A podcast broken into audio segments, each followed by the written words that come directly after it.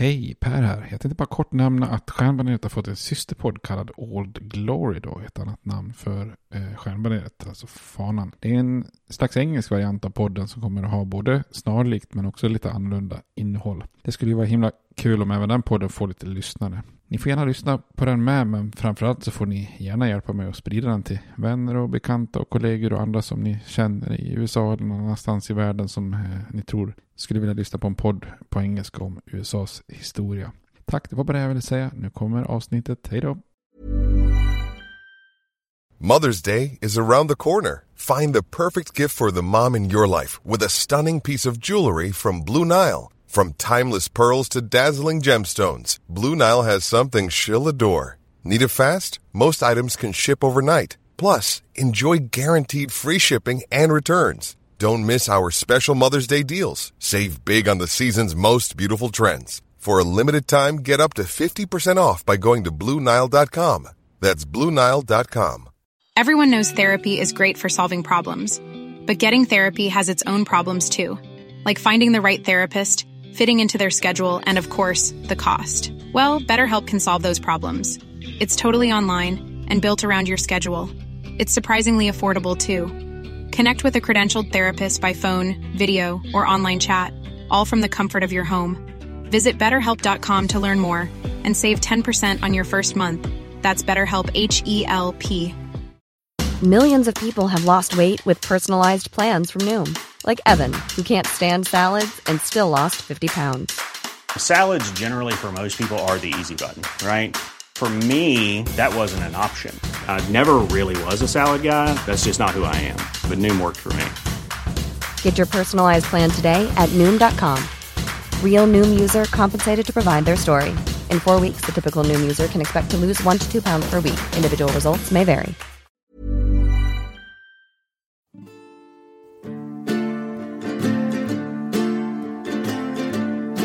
We hold these truths to be self-evident, that all men are created equal, that they are endowed by their Creator with certain unalienable rights, that among these are life, liberty, and the pursuit of happiness.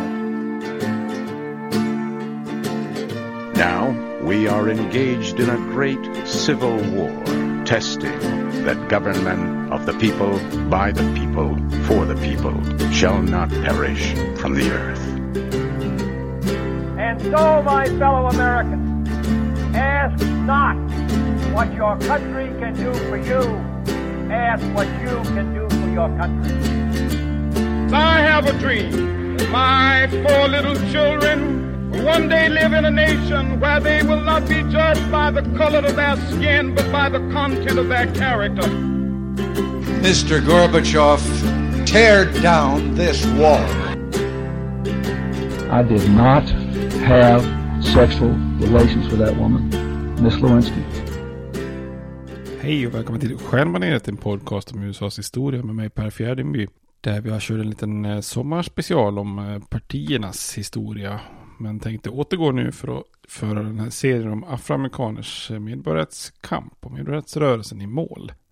Man kan ju säga att vi är på mitt uppe i den mest intensiva medborgarrättskampen här på 60-talet och Eh, vi har ju pratat i de senaste avsnitten i den här serien om eh, Martin Luther King och SCLCs lite grann nederlag i Albany. Men hur man sen då nådde en framgång i Birmingham eh, och hur uppmärksammat de här bilderna blev när eh, eh man attackerade demonstranter. Eh, många av dem väldigt unga med brandslangar och attackhundar och så, så vidare. Och det här får ju följder eh, kan man säga och eh, kommer ju att leda till att man kan gå eh, ytterligare framåt i medborgarrättsrörelsen och eh, helt enkelt vinna, vinna lite politiska framgångar också. Så vi tar helt enkelt vid där, där vi avslutade senast och eh, har några avsnitt kvar här nu i medborgarrättsrörelsen och tar det här framåt. Det blir lite som en parallell historiebeskrivning av från inbördeskriget till idag då. Och sen tänkte jag att vi återgår till den ursprungliga översiktsserien.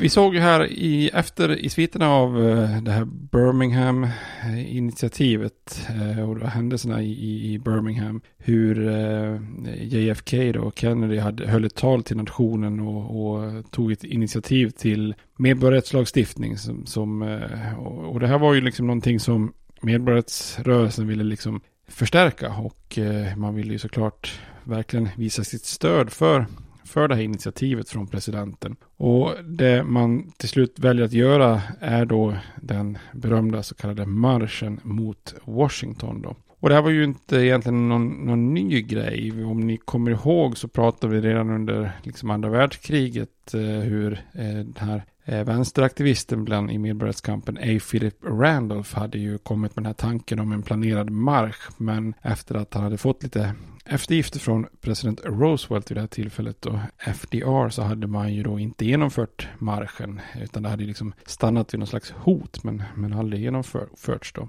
1962, det vi är framme vid nu då, eh, så då hade ju den här veteranen vid det här läget då, Philip Randolph, tagit initiativet till en till marsch tillsammans med sin vän Bayard Rustin då och föreslagit att man skulle protestera för afroamerikaners arbetslöshet. Randolph är ju, är ju mycket av en vänsterperson så att han ville sätta fokus på, på den biten då. Eh, men då hade deras förslag till en början fått lite sådär halvljummet stöd från, från olika organisationer. Men efter den här framgången eh, vid Birmingham så, så tog man ju upp den här idén igen då, eh, 1963, eh, om en marsch mot eh, Washington. Och den här gången så blir det en väldigt bred koalition av organisationer som ska genomföra marschen. Både NAACP då, den gamla klassiska rörelsen, SCSC, Southern Christian Leadership Conference, som eh, som King och de är med i, men också den här Core eh, och Snick, då den här studentrörelsen som uppstod efter de här sit-ins och även National Urban League då som jobbar för, för att förbättra städer och så vidare,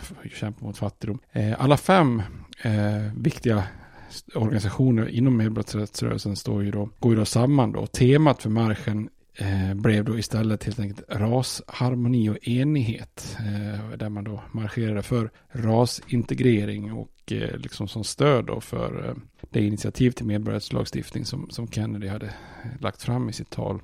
Och A. Philip Randolph bildar då tillsammans med de fem ledarna för de här organisationerna en slags officiell grupp som ska ansvara för marschen och då tillsammans med Randolph kallas de då för The Big Six. Och de här är ju då förutom Randolph själv då Martin Luther King från SCLC, det är Roy Wilkins från NAACP, James Farmer från CORE, John Lewis från SNCC och eh, Whitney Young från, från Urban League då. Och det finns en liten eh, bitter eftersmak i det här, det här då eftersom Dorothy Height från National Council of Negro Women fick inte vara med då trots att hennes organisation egentligen bidrog med extremt mycket frivilliga kvinnor till eh, marschen då så, så väljer man ändå inte att inkludera kvinnliga ledare. Det är ganska machosistiskt eh, liksom i medborgarrättsrörelsen. Då. Och man inkluderar heller då inte Bayard Rustin i ledarskapet trots hans väldigt långa erfarenhet och trots att det var han som stod för en väldigt stor del av den praktiska planeringen av, av marschen. Men eftersom han är då öppet homosexuell så, är det, så tycker man att detta är känsligt då. Så att eh, den här konservativa, lite sexistiska sidan är alltid lite grann en slags baksida av medborgarrättsrörelsen i efterdyningarna av de här händelserna i, i, Alabama tidigare så försökte ju då presidenten eh, Kennedy, eh, han var ju liksom lite oroad över det här. Han försöker ju övertala initiativtagarna till att inte genomföra marschen för han, han är oroad oro att det kommer uppstå våldsamheter i, i Washington DC och att det därmed kommer snarare att försvåra än att hjälpa Eh, politikerna att driva igenom medborgarlagstiftning i kongressen. Men till slut så inser både, båda bröderna Kennedy att man kommer inte kunna stoppa den marschen och då, då väljer man istället att stödja den aktivt då fast i utbyte mot vissa krav. Då. dels ville man att marschen skulle genomföras fredligt och patriotiskt utan våldsamheter och dels ville man att både vita och svarta aktivister skulle få delta och slutligen ville man att demonstra demonstrationerna skulle stödja administrationen och den planerade medborgarlagstiftningen öppet då så att säga. Och de här ledarna då, det så kallade Big Six går ju med på Kennedys krav och lovar att arbeta hårt för att demonstrationen ska bli fredlig och, och pro-Kennedy så att säga. Då. Bayard Rustin gick ut med väldigt tydliga instruktioner till demonstranterna med vad som var till exempel lämpliga budskap, skyltar och banderoller och så vidare. Då. Dessutom så gick man med på att inkludera vita och då utökar man också den här ledarskapsgruppen med, med fyra företrädare för, för fack och kyrkor och så vidare som inkluderar både en, rabbin och en katolik och en protestant. Och tillsammans så bildar man då ett ledarskap som, som då får namnet Big Ten. Och därmed har ju då marschen eh, förvandlas till att bli lite grann, ja, ska man säga, som en bred koalition av, av liberaler istället för bara afroamerikanska eh, medborgarrättsorganisationer då. Och den här planeringen av marschen sker inte utan interna stridigheter. Inom eh, SNIC till exempel och studentrörelsen så var man ju väldigt missnöjda med hur, hur den här marschen har blivit mindre radikal och planerades av de här mer moderata konservativa organisationerna i, i samverkan med, med Kennedy. Och många inom SNIC ville ju uttrycka sitt missnöje med Kennedy och, och de vita liberalerna eh, som fram tills dess hade gett ett väldigt ljummet stöd för afroamerikaner. Eh, och Eh, det här är ju på den tiden när, när man liksom inom studentrörelsen SNICK, men även CORE börjar, börjar bli mer och mer radikala och det finns fler och fler röster i de här organisationerna som, som eh, tycker att man kanske ska överge det här icke-våld och så vidare. Då. Eh, och när ledaren för SNIC, John Lewis, då planerade sitt tal så, så ville eh, ju han inkludera ett stycke där man kritiserade Kennedy-administrationen och ifrågasatte den här planerade lagstiftningen som en åtgärd som kom lite för sent och gjorde lite för lite. Istället ville man då hävda att USA var ett land där politiker var utan moral och där minoriteter utnyttjades både politiskt och socialt och ekonomiskt. Och istället hotade man att de personer som George Wallace och Storm Thurman fortsatte att motsätta sig friheten så skulle man behöva marschera genom södern istället för Washington, precis som general Sherman hade gjort under inbördeskriget. Eh, och i, i den planeringen så hade ju samtliga deltagande organisationer beslutat att man skulle få läsa igenom varandras tal innan de skulle hållas i Washington under marschen. Och när den katolska prästen får läsa John Lewis tal så hotar han att dra sig ur då. Och Roy Wilkins från NAACP menar att eh, Snick agerar liksom kontraproduktivt och lite förrädiskt. Och skulle man fördöma den här för, föreslagna lagen som hela marschen var manifestation manifestation för att uppmuntra. Det blir lite kontraproduktivt tycker man. Då. Så till slut efter att A. Philip Randall vädjat att man inte ska förstöra hans livsverk med att få till en sån här mark till slut och så gick Snick och, och John Lewis med på att mildra tonen i sitt tal så att säga. Men det här är ju en, en, en tid när medborgarrättsrörelsen börjar splittras så sakta så att säga. Vi kommer komma tillbaka till det.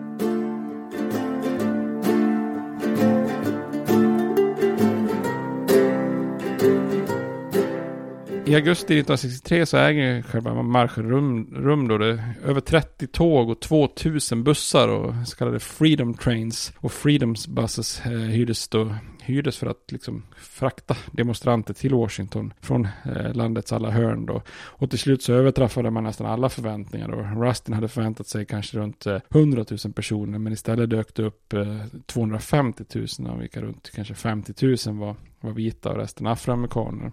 Och även om det gick eh, fredligt till så tappade ledarna kontrollen av det här. Tanken var ju att ledarna i det här Big Ten skulle marschera från Washington-monumentet då till Lincoln Memorial klockan 11.30 ja, i det här området som kallas för The Mall i Washington. Men 11.30 då satt de fortfarande i möte och planerade och, och då till Bayard Rustins stora chock så började folk helt enkelt marschera utan dem. Eh, så de här tio männen lyckades liksom hasta ner och i alla fall åtminstone in i folkmassan så de hinner fotograferas och tillsammans med demonstranterna demonstranterna. då. Och till de här runt 100 kongressledamöterna som deltog skanderade folkmassan då pass the bill, pass the bill. Och när man marscherade igenom the mall då fram till Lincoln Memorial sjöng man då massa sådana här freedom songs. Och stannade sen då för att lyssna på tal från olika kändisar och rörelsens ledare då. Eh, och planen var ju att öppna, öppna det hela med sångaren Marian Anderson som sjöng nationalsången. Alltså samma sångerska som Eleanor Roosevelt hade ordnat en konsert åt 1939 på, på just den här platsen då vid Lincoln Memorial. Som då hade varit en väldigt stor händelse och lite som en föregångare till hela den här marschen som sker nu då här på 60-talet. Men hon hann liksom inte fram genom folkmassan så en annan sångerska fick liksom hoppa in då eh, och sjunga nationalsången. Och Eh, bland kändisarna som, som fanns på plats så fanns ju bland annat eh, Harry Belafonte, han kanske är självskriven då. Eh, det är liksom, eh, han, han har ju stött medborgarrättsrörelsen väldigt mycket då. Utgår ifrån att många av er lyssnare lyssnar på Belafontes låt Banana Boat dagligen i alla fall. Eh, men också andra kända svarta skådisar som Sidney Poitier, alltså även en del vita eh, Hollywoodstjärnor som Paul Newman och eh, Charlton Heston faktiskt och Marlon Brando. Heston som man, ja, sen kanske mer förknippar med NRA och vapenlobbyn snarare medborgarrättsrörelsen läste ett tal som, som var skrivet av den kända afroamerikanska författaren James Baldwin. Så att här var han lite på, på rätt kurs kan man säga. Även Josephine Baker, den amerikanska, afroamerikanska sångerskan som kabaréartisten som hade spenderat väldigt stor del av sitt liv i, i Frankrike och ju faktiskt jobbat till och med som spion. Och ja, det är ju en fascinerande historia hela hennes liv egentligen. Och hon hade ju då blivit hedrad för sitt stöd av den franska motståndarrörelsen och i sin, sin fina franska uniform med dekorerat från andra världskriget så höll hon också ett kort tal då. Och det är ett antal folkmusik, musiker som föredrar, eller som framförde en massa sådana här freedom songs då, som Bob Dylan, Joan Baez eh, och den här gruppen Peter, Paul och Mary. Eh, och även här, även här blir ju då eh, John Baez framförande av We Shall Overcome eh, blir ju liksom lite grann någonting som befäster den sångens ställning som hela rörelsens ledmotiv då. Och avslutningen var ju då sen varsitt tal från medborgarrättsrörelsens viktigaste ledare som, som höll, hölls då vid trapporna på Lincoln Memorial. Och första talaren var ju veteranen i Philip Randolph som han säger bland annat Fellow Americans we are gathered here in the largest demonstration in the history of this nation. We are the advance guard of a massive moral revolution for jobs and freedom. Flera av lyssnarna försöker sen då engagerat lyssna till och, och öka engagemanget ytterligare eh, när man hör Roy Wilkins från NAACP säga till exempel You've got religion here today, don't backslide tomorrow. Eh, och James Farmer från CORE kunde inte delta eftersom han satt i fängelse i Louisiana eh, efter en protest så han fick er, ersättas av Floyd McKissick. Eh, och trots att talet hade tonats ner så kom ju de hårdaste orden från John Lewis och, och Snick då som säger bland annat By the force of our demands, our determination and our numbers we shall splinter the segregated south with a thousand pieces and put them together in the image of God and democracy säger han bland annat då. Och de flesta tal var ju korta eftersom man hade satt en sju minuters gräns då. Och sist ut kom ju då Martin Luther King. Eh, och hans ställning som den mest kända ledaren befäste sig genom att få då leverera finalen, det sista talet. Och flera tv-kanaler direkt sände ju då hans tal. Och, och, när han kommer fram till mikrofonen eh, så levererar han ju sitt berömda eh, I have a dream-tal då som ju på många sätt och vis är ett av de mest kända talen i, i, i USAs historia, eller kanske snarare i, i världens historia då. Eh, och det här talet det var ju en tydlig vision om hur King såg på framtiden då. En framtid där svarta och vita kunde leva sida vid sida i harmoni. Och budskapet handlar ju väldigt mycket om både harmoni, kärlek och integrering. Och, eh, och den starkaste meningen i talet som jag gillar bäst och, och därför har med också i intron till, till podden är ju I have a dream that my four children will one day live in a nation where they, where they will not be judged by the color of the skin by, but by the content of their character. Svåra ord. Jag får väl eh, klippa in delar av, av, av talet eh, i det här avsnittet. För det är ju, det är ju väl värt att lyssna på eh, ordagrant faktiskt på många sätt och vis. Då. I am happy to join with you today in what will go down in history as the greatest demonstration for freedom in the history of our nation.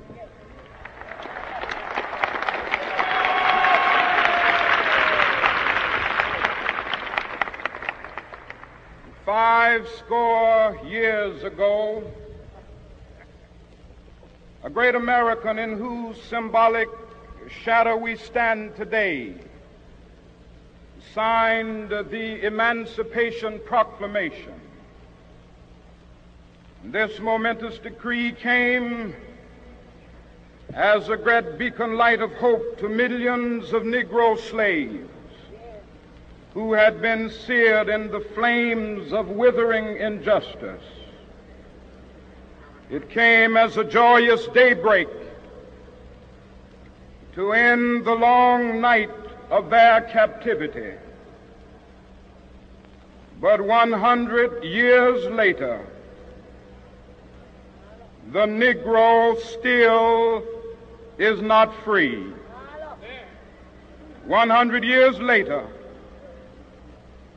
the life of the Negro is still sadly crippled by the manacles of segregation and the chains of discrimination 100 years later.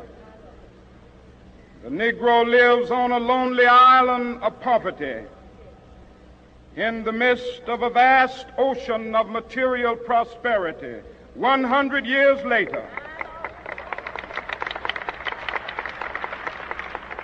The Negro is still languished in the corners of American society and finds himself in exile in his own land. And so we've come here today to dramatize a shameful condition. In a sense, we've come to our nation's capital to cash a check. When the architects of our republic wrote the magnificent words of the Constitution and the Declaration of Independence, they were signing a promissory note to which every American was to fall heir. This note was a promise that all men, yes, black men as well as white men, would be guaranteed the unalienable rights of life, liberty, and the pursuit of happiness.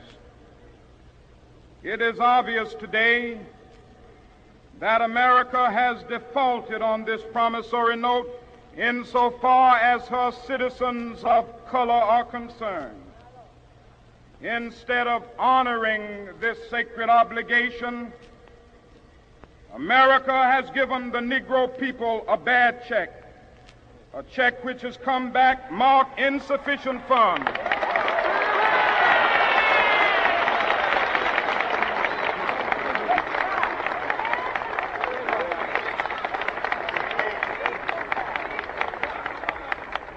We refuse to believe that the Bank of Justice is bankrupt. We refuse to believe that there are insufficient funds in the great vaults of opportunity of this nation. And so we've come to cash this check, a check that will give us upon demand the riches of freedom and the security of justice.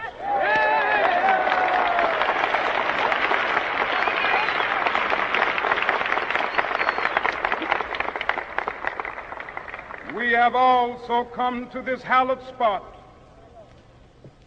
to remind America of the fierce urgency of now.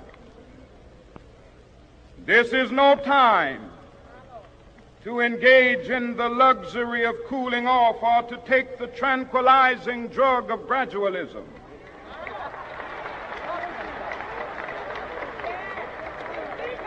Now is the time to make real the promises of democracy.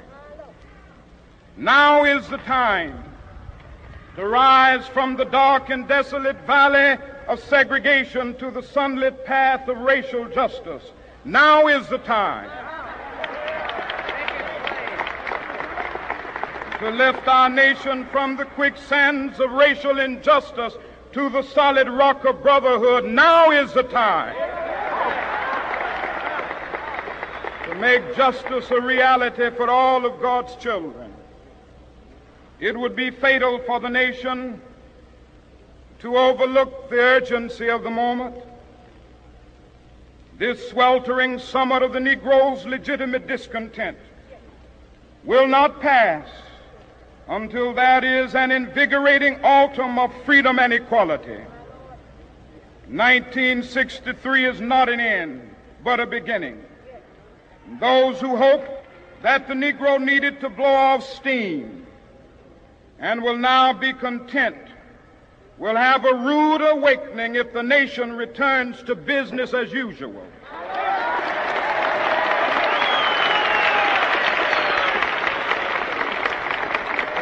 We cannot be satisfied as long as a Negro in Mississippi cannot vote and a Negro in New York believes he has nothing for which to vote.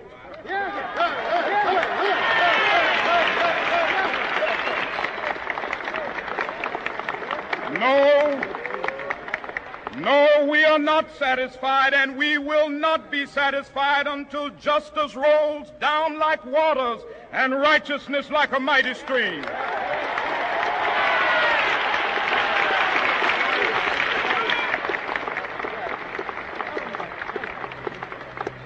I'm not my, unmindful that some of you have come here out of great trials and tribulations.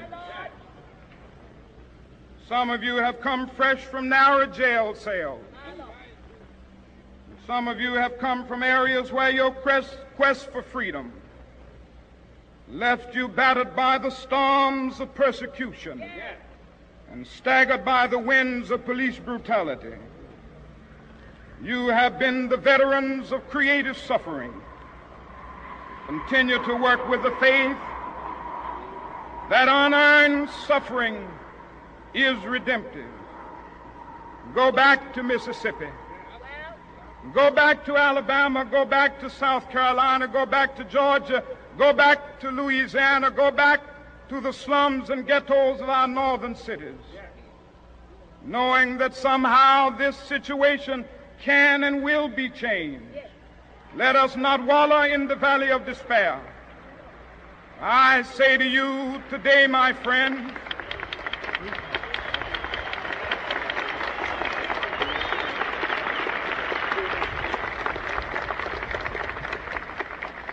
So even though we face the difficulties of today and tomorrow, I still have a dream. It is a dream deeply rooted in the American dream. I have a dream that one day this nation will rise up and live out the true meaning of its creed. We hold these truths to be self evident that all men are created equal.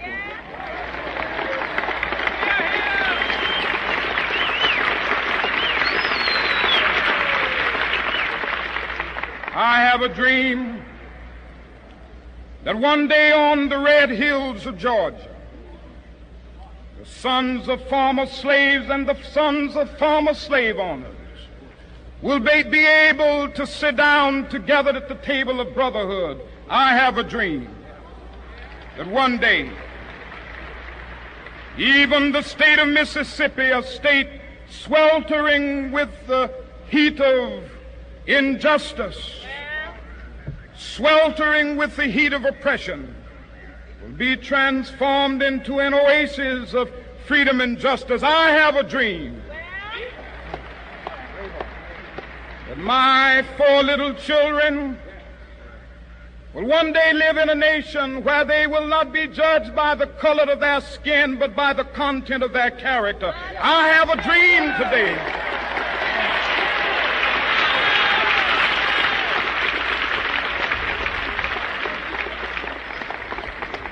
I have a dream that one day down in Alabama with its vicious racists, with its governor having his lips dripping with the words of interposition and nullification. One day, right there in Alabama, little black boys and black girls will be able to join hands with little white boys and white girls as sisters and brothers. I have a dream today.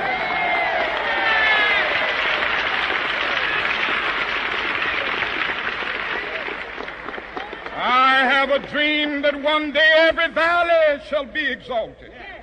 And every hill and mountain shall be made low, the rough places will be made plain, and the crooked places will be made straight, and the glory of the Lord shall be revealed, and all flesh shall see it together. This is our hope. This is a faith that I go back to the South with. And so let freedom reign from the prodigious hilltops of New Hampshire. Let freedom reign from the mighty mountains of New York. Let freedom ring from the heightening Alleghanies of Pennsylvania. Let freedom ring from the snow-capped Rockies of Colorado. Let freedom ring from the curvaceous slopes of California. But not only that, let freedom ring from Stone Mountain of Georgia. Let freedom ring from Lookout Mountain of Tennessee. Let freedom ring from every hill and molehill of Mississippi, from every mountainside. Let freedom ring, and when this happens, when we allow freedom ring, when we let it ring from every village and every hamlet, from every state and every city, we will be able to speed up that day when all of God's children, black men and white men, Jews and Gentiles, Protestants and Catholics, will be able to join hands and sing in the words of the old Negro spiritual, free at last, free at last. Thank God Almighty, we are free at last.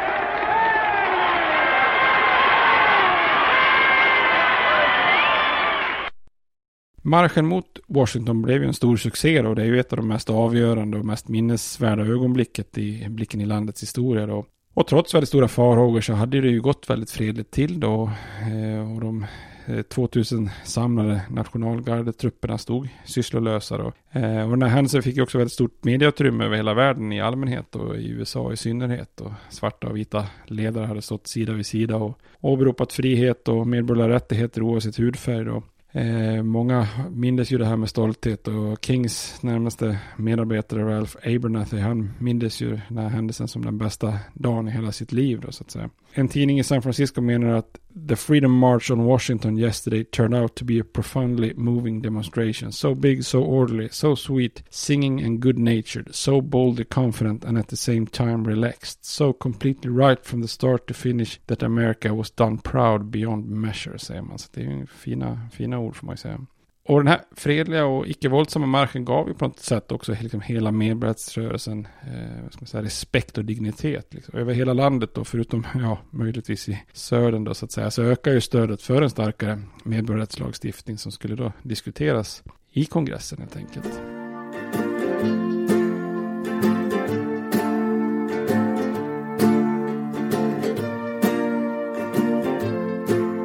Kings tal vid Lincoln Memorial var ju inte en vision som delades då av, eh, med, med vita rasister i, i södern. Och eh, bara ett par veckor efter marschen mot Washington så inträffade ju eh, något fruktansvärt som, som gjorde det pinsamt tydligt kanske. Eh, den 15 september 1963 så sker ju det här relativt kända bombattentaten. Bombattentatet av vita extremister då vid, mot The 16th Baptist Church i Birmingham. Och bomben dödade ju då fyra små afroamerikanska flickor som, som deltog i, i söndagsskola där. Och, den här, och de är ju dessutom inte speciellt gamla överhuvudtaget. Och den här tragiska händelsen skakar ju nationen då. Och i november samma år så kommer ju sen också då en ännu större chock när, när presidenten själv då, Kennedy, skjuts i, i Dallas då. Många frågar ju sig vad, som skulle, vad det här skulle innebära för medborgarrättsrörelsen då. Eh, från framgången med marschen mot Washington till, till mord på, på småflickor och självaste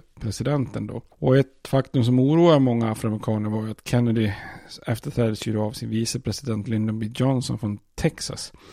Eh, och här fanns ju då en, en tydlig rädsla för att Johnson skulle vara lojal mot södern som, som sin region då och ställa sig på segregeringsförespråkarnas sida då. För även om Kennedy på många sätt hade varit en besvikelse inledningsvis när det gäller eh, medborgars, för medborgarrättsrörelsen så, så hade han ju ändå på slutet liksom svängt och börjat, börjat förespråka då eh, medborgarrättslagstiftning då.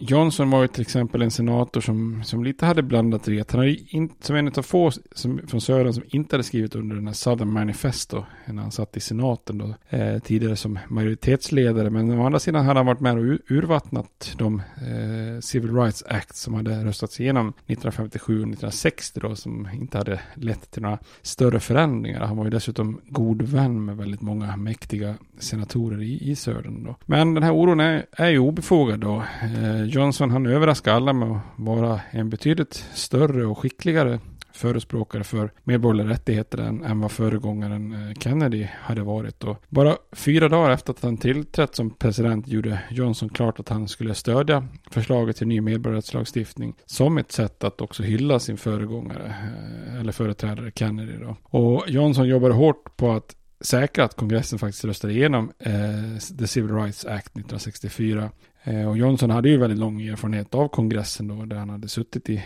båda kamrarna och han har ju varit en väldigt välslipad eh, politiker då och hade ju erfarenhet från att vara då majoritetsledare. Så han är ju kanske en av de bästa presidenterna genom tiderna för att, för att kunna liksom då få igenom sin vilja i kongressen. Långt mycket bättre än vad, vad Kennedy var. Så. Eh, han bjöd, bjöd i alla fall in Roy Wilkins från NAACP och uppmanade honom att de skulle lägga allt sitt stöd bakom lagstiftningen. Och trots att Söderns ledamöter genomförde då en maratonlång så kallad filibuster så drev Johnson och hans allierade igenom lagen. Eh, och på många sätt så är ju den här lagen då, den kallas, kallade Civil Rights Act från eh, 1964 då, när den kom så är ju den den största framgången dittills för medborgarrättsrörelsen. De här tidigare lagarna hade ju varit lite urvattnade historier, men den här gick ju mycket längre och var mycket tydligare då. Den här lagen förbjöd ju all diskriminering på allmänna platser och faciliteter, och inklusive skolor, restauranger, hotell, bibliotek, parker, lekplatser, poolområden, nöjesplatser, bensinstationer etc. etc. Eh, och möjligheten att på laglig väg diskriminera genom rassegregering var ju liksom därmed stoppad då. Så man kan säga att det här är ju den lagen som så att säga, i alla fall i, i teorin då, lagstiftningsmässigt skickar Jim Crow i, i graven då. Bara avskaffandet av segregering förändrar ju det amerikanska samhället i grunden. För även om det inte skedde över en natt så, så kommer ju då successivt alla de här skyltarna som, som, som alltid är uppsatta för whites only och colored och så vidare. Som funnits på så många platser i landet att försvinna. Så istället för kanske så här, tre offentliga toaletter det står, eh, där det liksom är för, för, kvinnor, för män och sen för, för färgade så, så är det helt enkelt eh, så att de färgade faciliteterna försvinner då så att säga och, och öppnas upp för alla då. Och USA hade ju alltid skrutit att man, att man inte hade någon, eh, någon adel, personer som höjs över andra. Men man hade ju alltid haft ett system där afroamerikaner förtrycktes i andra änden. Så nu var ju liksom det här formella, egna slags apartheid eller kastsystemet om man vill på väg, på väg bort och genom den här lagstiftningen. Då. Men det var ju inte bara afroamerikaner som gynnades av den här lagen, utan den var ju också riktad mot alla tänkbara sårbara grupper i samhället. Då. Så, så den förbjöd ju diskriminering av arbetsgivare och fackförbund, eh, till exempel då utifrån ras, färg, religion, nationellt ursprung, kön, vid anställning och så vidare, befordran, avsked och massa andra aspekter i arbetslivet. Och tidigare hade ju liknande lagar och regler alltid lidit av att det var svårt att implementera dem, eller att det inte fanns något tillräckligt med finansiering eller myndighetsresurser för att verkställa reglerna. Men även här är den här lagen 1964 starkt och eh, myndigheter fick makten att hålla inne federala medel till aktörer som inte följde lagen. Något som till exempel hade stor inverkan på desegregering av skolor till exempel. Och lagen gav också den federala justitiekanslern makt att, att inleda rättsfall mot aktörer som inte följde lagen och, och, åt personer som inte själva hade möjlighet att göra det då, så att säga. Och, och lag, lagen skapar också en ny myndighet för att övervaka diskriminering inom näringslivet som kallas för Equal Employment Opportunity Commission.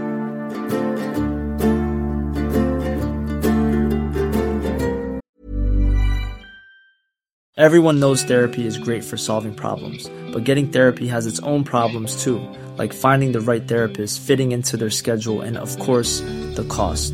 Well, BetterHelp can solve those problems. It's totally online and built around your schedule. It's surprisingly affordable too. Connect with a credentialed therapist by phone, video, or online chat, all from the comfort of your home.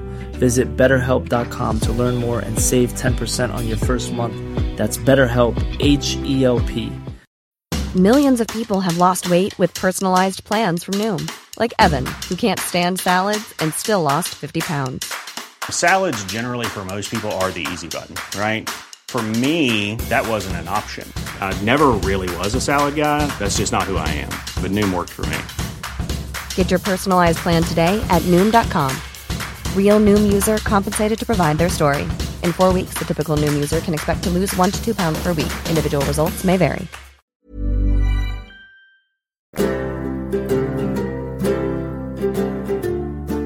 Efter att kongressen röstat igenom Civil Rights Act så hade ju Jim Crow och social segregering eh, börjat sin vandring ner i graven då. Eh, men afroamerikaner nekades ju dessvärre fortfarande att registrera sig för som väljare och hölls ju borta från valurnor i, i väldigt många sydstater. Eh, så att eh, här, här, får man ju liksom svänga om för att även om Jim Crow och social segregering försvinner så, så har man ju inte liksom vunnit per automatik då politiska rättigheter. Så medborgarrättsrörelsen kunde ju nu Eh, tydligt istället börja fokusera på då frågan om, om, om rösträtt i södern på allvar då man förstår ju då från afroamerikanskt håll att, eh, att man aldrig skulle kunna uppnå full rättvisa om man inte kunde utöva även då sin, sin politiska eh, rätt att, att rösta då. Utan rösträtt så kunde man ju liksom inte rösta bort till exempel rasistiska vita politiker, inte få rättvis behandling i domstolar eller få jämlik service från delstatliga eller lokala myndigheter eller i slutändan kunna påverka både polis och mobbvåld och så vidare då. Så på sätt och vis så hade ju medborgarrörelsen redan tjuvstartat sin kampanj för rösträtt. Då. Eh, Kennedybröderna hade ju redan 1961 försökt att få Core och Snick och de här att upphöra med de här lite mer provocerande sit-ins och freedom rides. Då, särskilt de här freedom rides som skapade så otroligt mycket våld. Då, eh, då ville Kennedybröderna istället att man skulle fokusera på rösträttsfrågan som de då bedömde som eh, mindre provocerande eh, och som de då trodde skulle ge mindre våldsamma konfrontationer som skulle ge mindre medial uppmärksamhet och som inte skulle göra situationen så pinsamt i, i USAs då internationella kamp i kalla kriget och så vidare då.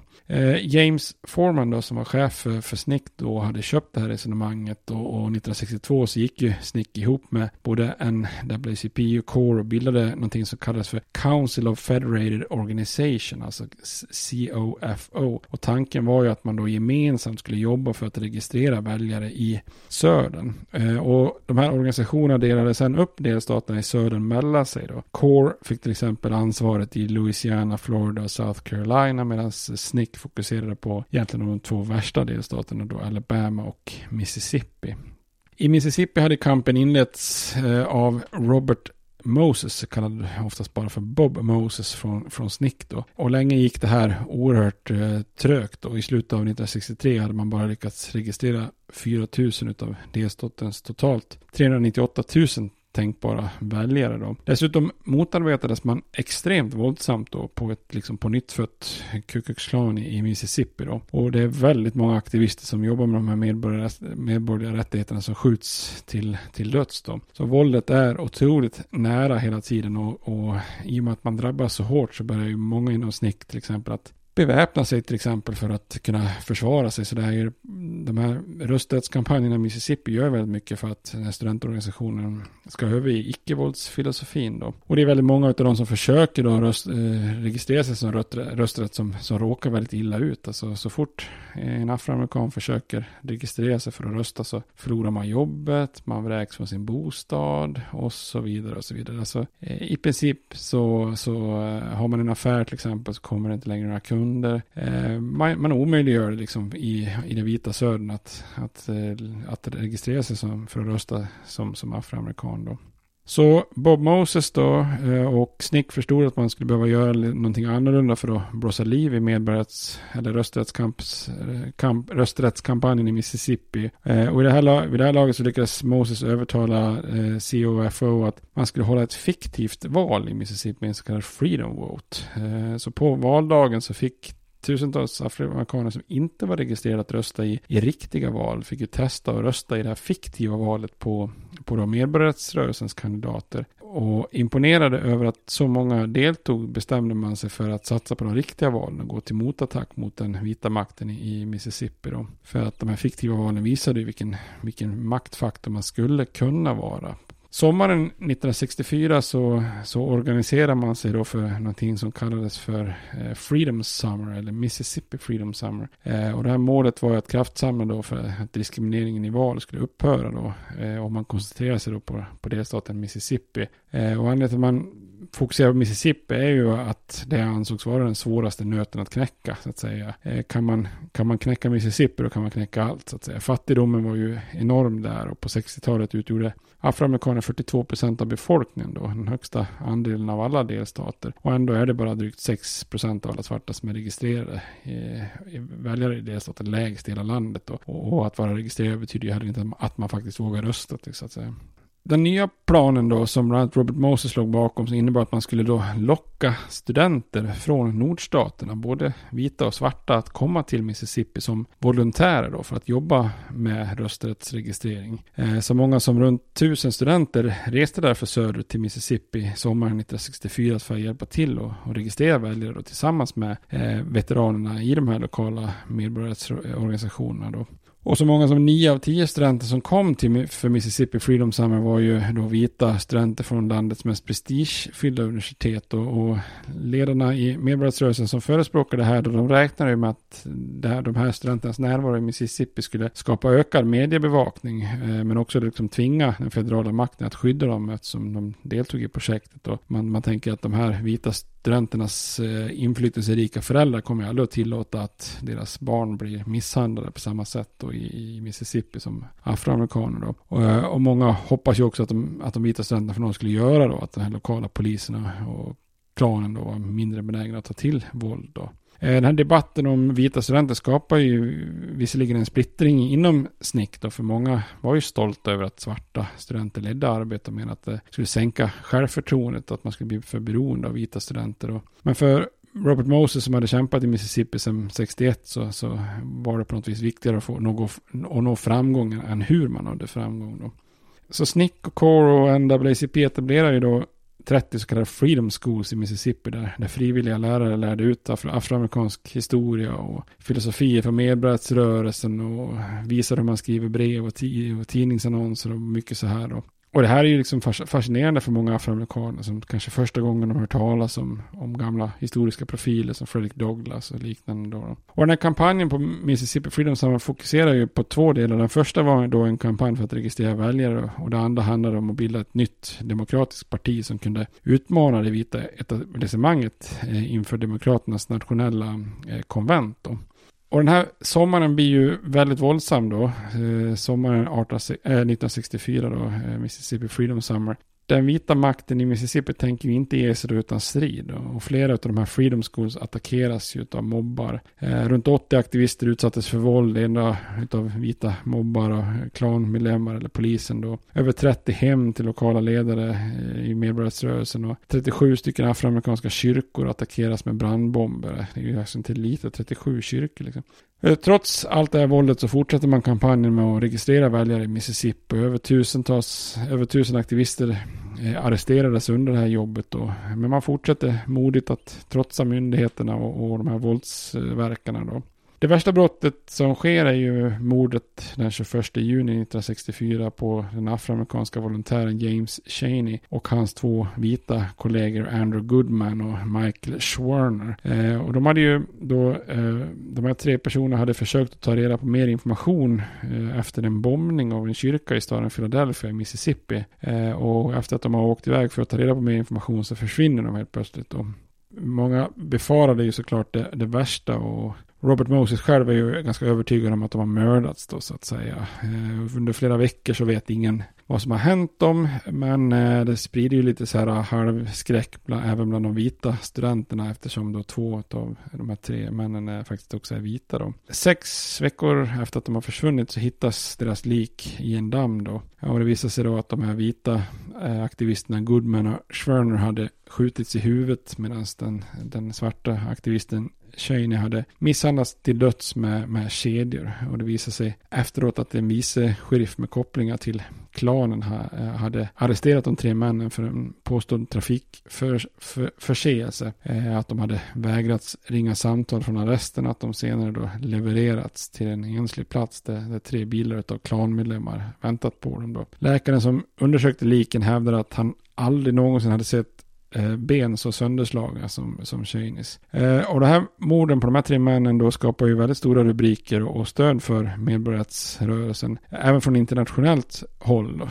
Eh, och många Många afroamerikaner kunde ju se på det här lite grann utifrån både positiva och negativa glasögon. Det positiva var ju att det här vita eh, engagemanget i sig då och morden skapar en väldigt stor sympati för hela projektet då. Frågan om afroamerikanska, afroamerikaners rösträtt då. Men eh, många afroamerikaner såg ju också den bästa sanningen då att man kunde ju inte blunda för att morden tycktes få bra mycket mer uppmärksamhet än normalt vid sådana här situationer bara för att två av offren var vita den här gången till skillnad från alla tusentals offer då av våld och lynchningar i södern genom årtiondena som inte alls har fått någon uppmärksamhet. Då.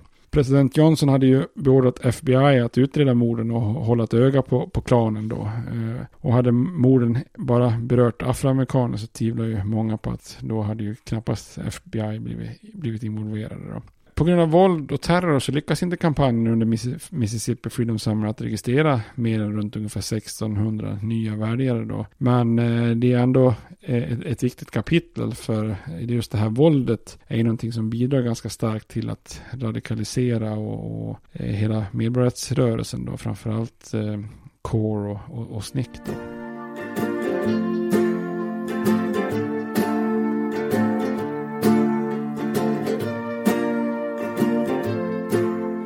Andra projektet i Mississippi blev ju kanske lite mer lyckat i alla fall. För parallellt med kampen att registrera väljare så skapar man också då Mississippi Freedom Democratic Party, MFDP. Tanken bakom MFDP var ju ett försök att påverka Demokraternas nationella konvent som då hölls i Atlantic City i New Jersey i augusti 1964. Robert Moses ansåg att det var dags att en afroamerikansk delegation utmanade de vita delegaterna som valdes formellt som delegation till Demokraternas konvent från Mississippi. Då. Så runt 80 000 afroamerikaner i delstaten blev ju snabbt då medlemmar i det här Mississippi Freedom Democratic Party som då höll sitt eget konvent i Mississippi och utsåg då 68 delegater, 64 svarta och 4 vita som, som sen då reser till Demokraternas nationella partikonvent i Atlantic City i New Jersey. Och där menar då eh, MFDP-delegationen att man, man är den, den riktiga eh, och legitimt, legitima demokratiska delegationen från Mississippi eftersom man består av både svarta och vita. Eh, och att man då har fått bli valda i ett val där där både svarta och vita kunde delta. Snarare då än den här helvita segregerade delegationen som, som Mississippi formellt hade skickat. Då. Och efter allt våld mot svarta så ansåg man ju också att eh, konventet hade liksom en slags moralisk plikt att släppa in den här, den här Freedom Delegation. Då. Och den här utmaningen var ju oerhört bekymmersam eh, för det demokratiska partiet. Eh, skapar ju en del problem då på konventet. Många liberala demokrater i norr ville ju se den här afroamerikanska delegationen representera Mississippi då. Den som sitter framförallt med Svarte Peter här blir den sittande presidenten Lyndon B Johnson eh, som då är partiets blivande kandidat. han förstår ju då, då emellertid att det skulle vara ganska ödesdigert att tappa stödet från den vita södern som då riskerade att rösta på den mer konservativa republikanen Barry Goldwater. Eh, om Demokraterna släppte in den här Freedom Delegation riskerade man inte bara då att Mississippis delegation lämnar konventet utan även andra delegationer från södern som Georgia, Texas och Alabama. Då. Och ett, ett väldigt avgörande händelse i den här striden blev ju när Fannie Lou Hammer vittnade inför Demokraternas kommitté som skulle avgöra frågan om vilken delegation man skulle eh, släppa in då. Eh, Fannie Lou Hammer hade ju bland annat då sparkats från det plantagen jobbade på i Mississippi efter att hon hade försökt att registrera sig som väljare eh, 1962. Och efter det hade hon då blivit en aktivist för medborgarrättsrörelsen både fått sitt hus beskjutet med 16 kulor i ett mordförsök och, nästan, och, och blivit nästan då misshandlad till döds av polis i South Carolina men klarat sig undan då med bestående men. Och det som gjorde Fanny Lou Hammers vittnesmål, vittnesmål så tungt var ju att det då sändes direkt inför nationell, på nationell tv. Då. Och efter att har berättat då hur hon misshandlats och som hon säger was in jail when Med Medgar Evers was murdered så säger hon, i, säger hon direkt in i kameran då här If the Freedom Democratic Party is not seated now I question America. Is this America, the land of the free and the home of the brave? Och så undrar hon då om, eh, om det var rätt att our lives be, be threatened daily because we want to live as decent human beings in America. Och hennes då vittnesmål blir ju väldigt skarpt då och skapar stor sympati för det här Mississippi Freedom Democratic Party-delegationen då. Och Johnson förstod ju att det här var katastrof. Han kallar ju väldigt snabbt till presskonferens för att avbryta fler vittnesmål och, och sätter det genast igång en process för att nå en, en slags kompromiss då. Eh, Johnson såg till att eh, hans, eh, att Hubert Humphreys, Hubert Humphreys från Minnesota som sen skulle då bli vicepresidentkandidat då, eh, och, och senare partiets presidentkandidat. Eh, han fick arbeta fram ett en kompromiss där och Johnson hotar med att du får inte bli vicepresident om du inte löser det här problemet. Så han är lite desperat här, Johnson. Eh, han, han menar ju på då att han egentligen hade förtjänat att bli eh, nominerad nu eftersom han har gjort så mycket för afroamerikaner och nu kommer de att ställa till det här.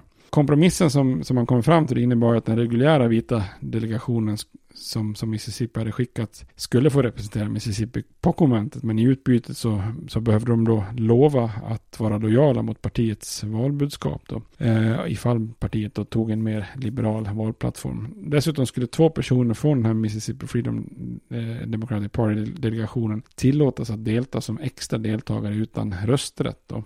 King och Rustin och flera av de mer moderata afroamerikanska ledarna i medborgarrättsrörelsen ställde sig bakom kompromissen. De menar då att eh, Lyndon B. Johnson och Demokraterna gjort väldigt mycket för afroamerikaner och att det var strategiskt viktigt att de fortsatte vid makten och att man behöll då alliansen med eh, liberala demokrater. De tyckte helt enkelt att kompromissen Eh, var rimlig för att kunna fortsätta ha eh, ett politiskt inflytande med Demokraterna och Lyndon B. Johnson. Så att de ser lite som ett steg i rätt riktning. Men det är också väldigt många av delegaterna från Mississippi och medlemmarna i snick till exempel som vägrar ju acceptera den här kompromissen. De ansåg helt enkelt att vi har ju moraliskt rätt att delta i det här konventet och de var inte upplagda för något filosofiskt och pragmatiskt resonemang från King och Rustin som, som istället beskrivs då som förrädare. Robert Moses han menar att, det, att de inte var där to bring politics to our morality but to bring morality to our politics. Eh, och Fanny Lou Hammer själv sa ju då att we didn't come all this way for no two seats. Så att eh, de är bittra över de här, den här lösningen då. Men det är inte bara de som är mindre glada då. Även liksom då Eh, den officiella vita delegationen från Mississippi var ju, var ju inte nöjda då. Att Demokraterna liksom ens debatterar frågan eh, att släppa in en, en icke legalt vald afroamerikansk delegation är ju för dem liksom uppåt väggarna. Eh, och de tänkte ju minsann inte svära på någon slags lojalitet mot Johnson-administrationen som, som gjorde eftergift till medborgarrättsrörelsen. Så Mississippis vita delegation marscherade missnöjda ut från konventet och dagen efter så för att inte riskera att de här Democratic Freedom Party skulle ta platserna ändå då, så tog man helt enkelt så rent formellt bort stolarna för Mississippis eh, delegation på konventet så att ingen då kan sitta där. Och många inom eh, SNIC till exempel var ju inte nöjda med att den mixade delegationen hade böjt sig för de vita och kompromissat. Och den här händelsen är ju ytterligare eh, lite vatten på kvarn för, för snick och eh, många svarta att de behöver egen politisk makt och, och, att man behöver slå sig fria från ett slags beroende av lite mer opolitliga vita liberaler som, som aldrig liksom ger dem 100% moraliskt rätt. Eh, så många inom snick tappar ju eh, också ytterligare förtroende för ledare som King och Rustin och, och organisationer som NAACP och eh, SNCC, eller eh, SCLC och de så att säga. Man tycker att de är alldeles för nära allierade med, med det vita rasistiska etablissemanget. Då. Och det här är ju det som kommer att börja gro som ett frö till det vi kommer att komma till sen då, som kallas för Black Power. Men trots allt våld och kompromisser så var den här Freedom Summer och, eller Mississippi, Free, och Mississippi Freedom Democratic Party ytterligare steg framåt för medborgarrättsrörelsen. Eh, man lyckades då mobilisera afroamerikaner i, i delstat, dat, delstaten på en nivå som inte existerat sedan rekonstruktionens dagar. Då. Och här är början på en politisk rörelse som, som bara hade startat och skulle växa i, i södern. Då. Men bakom kulisserna fanns ju också då ett väldigt stort missnöje bland de lite mer radikala då, Snick och sådär som, som hade hindrats från radikala budskap i marschen mot Washington. Och med utgångspunkt av allt våld i Mississippi så, så är ju, blir ju många afroamerikaner besvikna att har vi inte kommit längre trots allt. Då. Så här kan man ju då se en, en, en eh, radikalisering eh, där många börjar förespråka våld eh, eller motvåld då så att säga och att överge den här icke-våldsfilosofin då. Och många kanske då eh, vid den här tiden börjar lyssna mindre på Martin Luther King eh, och mer på eh, Malcolm Little, mer känd som Malcolm X, men mer om honom i, i avsnitt framöver. Så vi lämnar medborgarrättsrörelsen för stunden och sen så återkommer vi till fortsättningen i, i nästa avsnitt. Tills dess får ni ha det bra. Hej då! States like these and their terrorist allies constitute an axis of evil. And if the hippies and the yippies and the disruptors of the systems that Washington and Lincoln as presidents brought forth in this country will shut up and work within our free system of government, I will lower my voice. If the impeachment provision in the Constitution of the United States will not reach the offenses charged here, then perhaps that 18th century Constitution should be abandoned to a 20th century paper shredder. Therefore, I shall resign the presidency effective at noon tomorrow.